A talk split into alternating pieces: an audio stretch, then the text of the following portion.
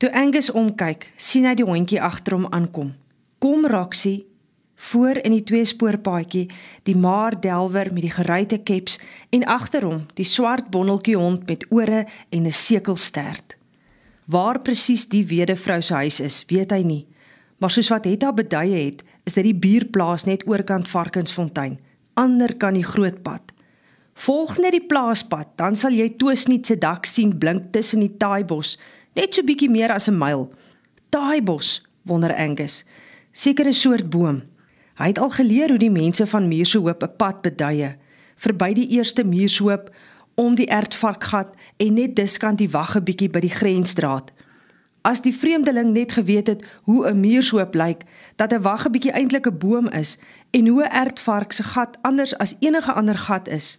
Hoe die hel moet jy weet watter draad op die grens van wat gespan is? Loop maar net. Jy sal wel iewers uitkom. Uitlanders sukkel hier nie net met die natuur nie. Die kultuur is net so komieklik. Die enigste opstal wat 'n mens van die pad af kan sien as jy suid kyk, het hy tussen Hetta se beduiery en Amlet se vertaling verstaan. As hy net geweet het waar suid is en hy hoef nie te bekommerd te wees nie, die flerry sonder linkerhand praat goed Engels. By die kakies na die oorlog geleer, het Hetta gesê. Hy dink hy het haar reg verstaan, Nie alles nie, want sy het skalks bygevoeg. 'n Mens kan op jou rug ook Engels leer praat. Toe lag sy en Amlet. Angus Marie begin stap. Hy is nie seker hoe ver die sleg vrou se huis aan die kant die duisel se opstal is nie. Hy was nog nooit verder as Donkie Duisel se huis nie. 'n Delwer het nie tyd vir rondloop en kuier nie, veral nie 'n delwer wat nie Afrikaans kan praat nie en boonop nog vragtig sy eie vrou saam delwery toe gesleep het. Agter hom dreun die delwers. Hy sou eerder in sy kleim gebly het, want 'n kleim sonder 'n delwer is 'n kleim wat oop staan vir almal. Hy draai om om vir Roxie te wag en hy kyk terug na die bedrywigheid in die muurnes. Nou eers sien hy hoeveel van die kleims al verlate is. Holtes in die grond en leë drankbottels, skamerig soos 'n slegte gewete onder die droë gras. Die mure is weg. Onthou, hy het Jakob al gesê, want die koningin is dood. Meer se hoop se diamantryk is toe nie so ryk as wat hulle gesê het nie. Daar's darm nog heel party manne in die gate en in die straatjies. Almal besig en op soek na 'n nuwe lewe. 'n Mens laat nie jou klein alleen nie, maar gelukkig weet hy hy kan op Jakob vertrou. Jakob Tereko sal sê as hy iets gekry het, al is dit 'n kwart karat. Angus loop verder in die rigting van die opstal teen die bult tussen die plaashuis links en Hetta hulle se bywoners huisie deur. Hetta se wederhelf het hy darm al ontmoet. Stil kerel. Maar miskien is hy so stil omdat sy Engels eintlik nie meer as yes en no is nie en nie eens altyd weet wanneer om watter een van die twee te gebruik nie. Nogtans nie 'n ongemaklike mens nie. Anders as Donkie Duisel wat skaars met iemand praat al is sy Engels glo goed. Hoe dan anders as jy die grootste gedeelte van die oorlog donkies steel en myle teel en dit aan die vyand vir 'n paar skoene verkoop? Die duinserige dorheid druk die skot vas, asof dit iemand is wat op sy bors kom sit, soos 'n dreigende soeibrand. Die wind is weg, maar die onvriendelike vaalte is oral om hom. Hy mis die malsheid van sy geboorteland. Probeer die groen geilte in sy gedagtes oproep maar dit is moeilik om aan groen te dink te midde van droë gras en dor grond. Die droogte, hoor hy die mense sê, is erger as net na die oorlog. Die reën bly weg. Dis die Here wat ons oor die oorlog straf, het hy al gehoor en gewonder of oorlog dan soveel belangriker as vrede is.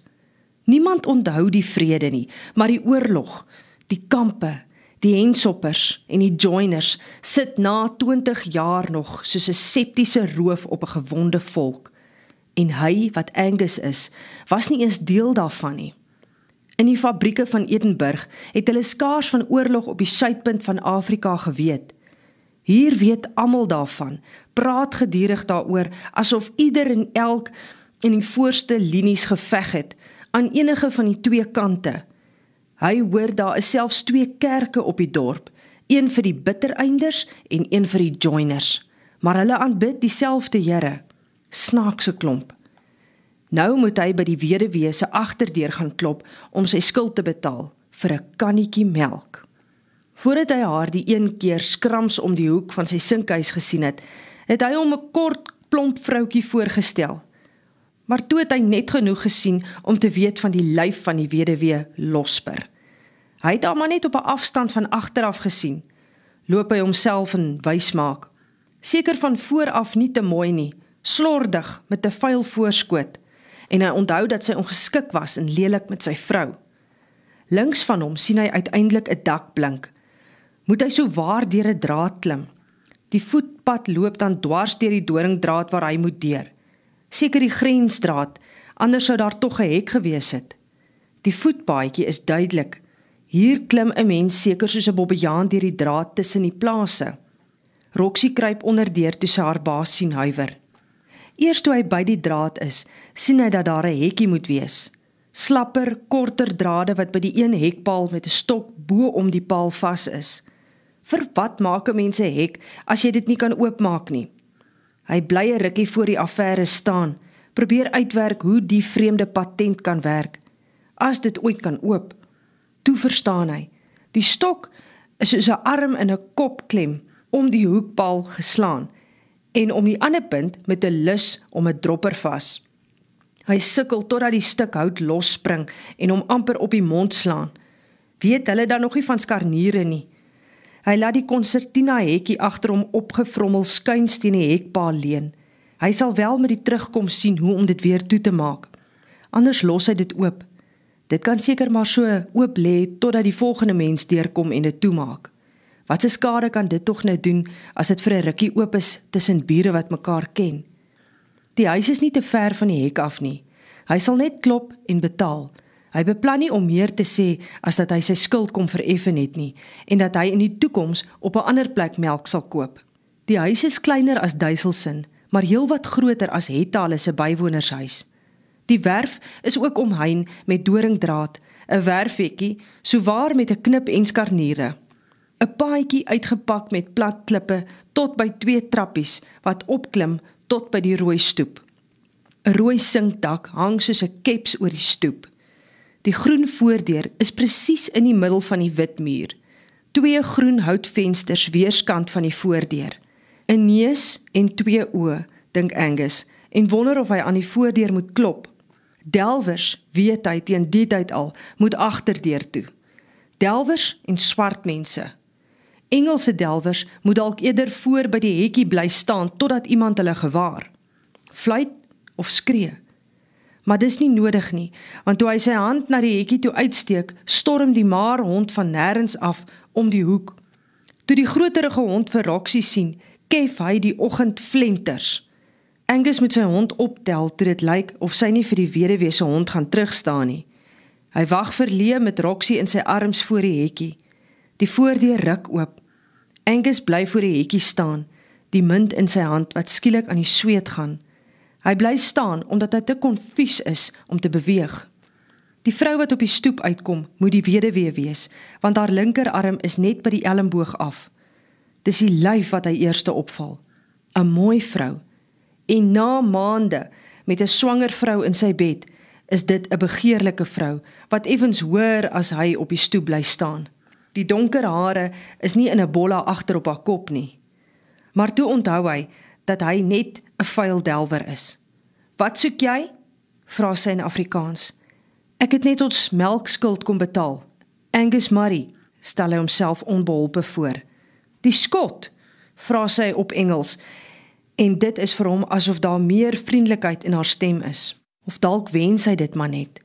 "Kom binne," nooi sy. Ek het juis my koffie ingegooi en die dogters is buite by die bediendes.